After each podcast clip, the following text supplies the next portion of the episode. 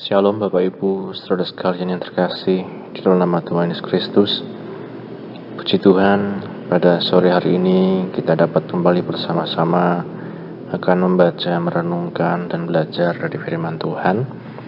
Mari saya ajak kita terlebih dahulu berdoa bersama-sama. Bapa kami bersyukur untuk kesempatan yang kau beri pada kami di sore hari ini Tuhan. Kami akan sama-sama belajar dari firman-Mu Bukalah setiap hati kami, pikiran kami, untuk kami dapat menangkap isi hatimu, untuk kami dapat mengerti Tuhan, dan untuk kami dapat melakukan firman-Mu. Mampukan kami ya Roh Kudus, Engkau yang menolong kami dalam kehidupan kami hari demi hari, untuk hidup sesuai dengan firman-Mu. Kami bersyukur Bapa, dalam nama Tuhan Yesus kami berdoa, haleluya, amin. Bapak Ibu, saudara sekalian yang terkasih dalam nama Tuhan Yesus Kristus, Kembali kita akan membahas ya, melanjutkan pembahasan kita dari surat Filipi pasal 1 ya. Di waktu lalu kita membahas tentang bagaimana kehidupan yang mempermuliakan nama Tuhan Kristus yang dimuliakan baik dalam kita hidup baik kemudian waktu kita mati dikatakan biarlah nama Kristus yang dimuliakan. Kalau kita masih diberi kesempatan untuk hidup, artinya kita harus bekerja memberi buah. Ya. Bekerja memberi buah sehingga orang dapat mempermuliakan nama Tuhan dan ketika kemudian kita mati dikatakan orang juga dapat memuliakan nama Tuhan lewat setiap buah yang nampak dari kehidupan kita. Nah, Bapak Ibu Saudara sekalian, kembali menyambung dari ayat-ayat tersebut, kita akan buka kembali Filipi pasal 1 ayat yang ke-27 sampai ayat yang ke-28. Filipi pasal 1 ayat 27 sampai 28. Demikian bunyi firman Tuhan. Hanya hendaklah hidupmu berpadanan dengan Injil Kristus supaya apabila aku datang aku melihat dan apabila aku tidak datang aku mendengar bahwa kamu teguh berdiri dalam satu roh dan sehati sejiwa berjuang untuk iman yang timbul dari berita Injil. Dengan tiada digentarkan sedikit pun oleh lawanmu. Bagi mereka semuanya itu adalah tanda kebinasaan, tetapi bagi kamu tanda keselamatan dan itu datangnya dari Allah. Amin. Berbahagia setiap kita membaca, mendengar, dan yang melakukan firman Tuhan. Bapak Ibu saudara sekalian, kalau kita melihat dari pasal 1 ini di awal-awal Paulus memuji jemaat di Filipi. Paulus merindukan jemaat di Filipi. Paulus berdoa untuk jemaat di Filipi.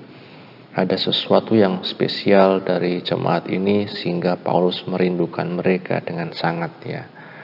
Nah, setelah Paulus menyampaikan rasa rindu serta doanya, dalam pelajaran minggu lalu Paulus juga menyampaikan komitmennya ya kalau dia hidup itu artinya dia tetap ingin mendampingi jemaat Filipi baik melalui kehadirannya maupun juga lewat surat-surat yang ditulisnya ya. Nah, selanjutnya Bapak Ibu pada ayat 27 ini Paulus menyampaikan permintaannya kepada jemaat di Filipi. Permintaannya seperti apa? Dikatakan agar hidup jemaat tersebut berpadanan dengan Injil Kristus ya. Jadi Paulus tidak hanya rindu, Paulus tidak hanya memuji, tapi dia juga minta kepada jemaat di Filipi apa? Agar hidup mereka berpadanan dengan Injil Kristus. Kata berpadanan dapat juga diartikan sesuai, berkesesuaian, atau dalam bahasa Jawa pada, podo, yang berarti cocok ya, sama ya. Nah, itu sebabnya Paulus katakan perpadanan di sini Paulus uh, menyampaikan, menjelaskan, ditunjukkan dengan sikap teguh berdiri dalam satu roh, sehati, sejiwa, berjuang untuk iman yang timbul dari berita Injil. Ya. Itu artinya perpadanan dengan Injil Kristus ditunjukkan dengan adanya satu kesatuan di dalam jemaat. Ya. Mengenai kesatuan dalam jemaat, Bapak Ibu Saudara sekalian, di surat Filipi ini Paulus beberapa kali menyinggung tentang hal tersebut. Ya. Kesatuan di antara jemaat atau orang percaya hanya akan dapat terjadi ketika satu sama lain mau untuk saling merendahkan diri dengan meneladani Kristus ya. Nanti kita akan lebih dalam membahasnya saat kita masuk di Filipi pasal yang kedua. Selain itu Paulus juga mengatakan pentingnya untuk bersekutu dalam berita Injil ya. Sebab dikatakan tadi ya bahwa kamu teguh berdiri dalam satu roh dan sehati sejiwa berjuang untuk iman yang timbul dari berita Injil. Ya. Dikatakan iman timbul dari berita Injil. Kita tidak akan mampu bertahan ataupun berjuang untuk iman tersebut jika kita tidak bersatu satu sama lain. Tuhan Yesus juga ya mengatakan sebagai perbandingan kerajaan yang terpecah-pecah tidak akan dapat bertahan. Nah, bagaimana agar iman itu timbul? Dikatakan bacalah berita Injil, bersekutulah dengan berita Injil. Kalau dalam bahasa sederhana bacalah firman Tuhan, ya. Bapak Ibu saudara sekalian, jangan sampai pembacaan firman Tuhan ini kita lalaikan atau kita tidak anggap sebagai sesuatu yang penting. Sebab dikatakan Injil itu dikatakan dapat menimbulkan satu iman di dalam kehidupan kita. Ya. Iman timbul dari pendengaran, pendengaran oleh firman Kristus. Ya. Bagaimana iman kita dapat timbul? Itu kalau ada firman Kristus. Bagaimana firman Kristus itu ada dalam hidup kita? Itu kalau kita membaca firman Tuhan. Membaca firman Tuhan, mendengarkan firman Tuhan, ya bersekutu dalam firman Tuhan. Makanya di situ kita bisa timbul iman. Nah, orang yang membaca firman Tuhan saja, Bapak Ibu, mereka bisa ada masalah setiap hari. Ya, mereka terus berjuang. Apalagi kalau kita tidak baca firman Tuhan, bagaimana kita bisa bertahan atau berjuang ya untuk iman tersebut ya. Dalam konteks jemaat Filipi kita melihat ada lawan yang harus mereka hadapi. Dikatakan di ayat 28 dengan tiada digentarkan sedikit pun oleh lawanmu. Bagi mereka semuanya itu adalah tanda kebinasaan, tetapi bagi kamu tanda keselamatan dan itu datangnya dari Allah. Ya. Ada lawan yang harus mereka hadapi. Siapakah mereka? Itulah mereka yang tidak mau percaya pada berita Injil dikatakan tadi berita Injil bagi mereka adalah tanda kebinasaan tapi bagi orang yang percaya berita itu adalah tanda keselamatan dan itu datangnya dari Allah bukan dari manusia itu artinya juga anugerah Tuhan di dalam kehidupan kita. Nah, kita perlu menyadari bahwa percaya pada Tuhan Yesus dan mengikutinya hari demi hari adalah merupakan perjuangan. Ikut Yesus tidak berarti Tuhan menjanjikan semua hal akan berjalan dengan baik. Tuhan akan menjanjikan semuanya menjadi nyaman. Ya. Justru kita melihat Bapak Ibu ketika kita ikut Yesus, kita dibawa pada satu arena perjuangan karena perjuangan untuk apa? Untuk terus beriman kepada Kristus Yesus. Untuk terus setia sampai akhir. Dan kita tidak hanya menjalani seorang diri, tetapi bersama dengan saudara-saudara seiman yang lain. Nah itu sebabnya kalau kita berjuang dalam pertandingan iman yang sama, mengapa kita tidak sama-sama bersatu? Ya, bekerja sama. Agar apa? Agar kita menjadi pemenang dalam hidup ini. Ibarat sebuah tim yang sedang bertanding, tanpa adanya kesehatian dan kerjasama satu sama lain kita akan kalah. Kalah di sini dapat berarti kita meninggalkan iman percaya kepada Kristus Yesus karena sebab apa pun. Ya. Nah, Bapak Ibu sekalian, sayangnya ya sering kali kita sangat mudah tersandung dengan perilaku, ya kelakuan atau perkataan saudara-saudara seiman kita yang lain. Ya itu sebabnya Paulus katakan, mari kita hidup berpadanan dengan Injil Kristus. Mari kita hidup berpadanan dengan Injil Kristus.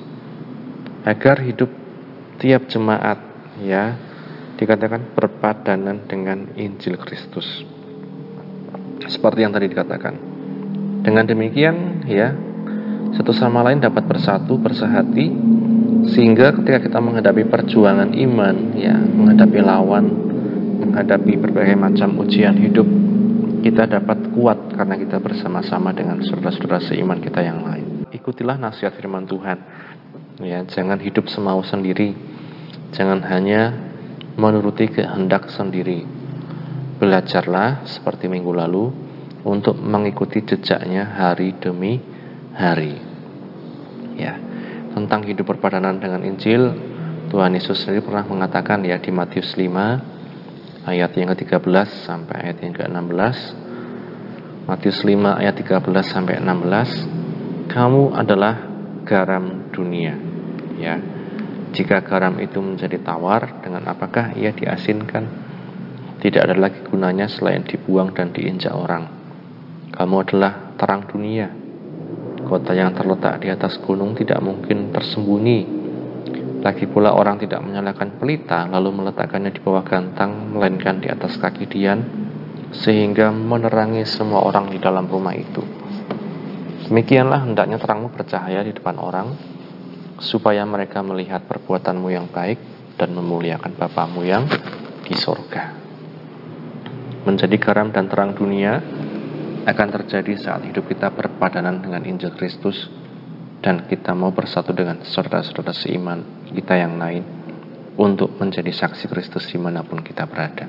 Seperti garam Bapak Ibu tidak mungkin akan uh, membuat satu dampak kalau dia hanya satu butir garam. Tetapi ketika ada bersama-sama dengan garam yang lain kita akan memberi satu dampak.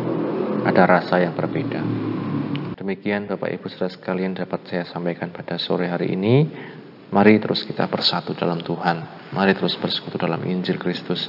Sehingga dikatakan orang dapat melihat adanya Kristus yang tampak dalam setiap kehidupan kita dan mereka akan menjadi percaya kepada Tuhan Yesus. Amin. Mari sama-sama kita berdoa. Bapak kami bersyukur untuk kesempatan yang kau beri pada kami di sore hari ini. Kami sudah belajar firman-Mu Tuhan.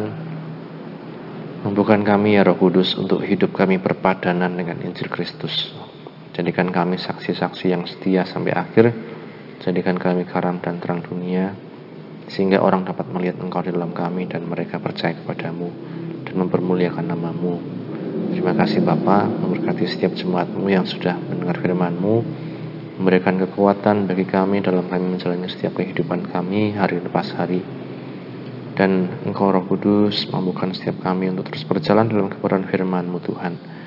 Setiap jemaat-Mu yang sakit disembuhkan, yang lemah dikuatkan, yang susah dihiburkan, yang sedang menghadapi permasalahan Kau berikan jalan keluar ya Tuhan. Terima kasih Bapak, terima kasih. Akhirnya Tuhan, kami tutup Tuhan, renungan kami di sore hari ini. Dalam nama Tuhan Yesus kami berdoa mengucap syukur, haleluya. Amin. Puji Tuhan, Bapak Ibu Saudara sekalian, Tuhan Yesus memberkati. Amin.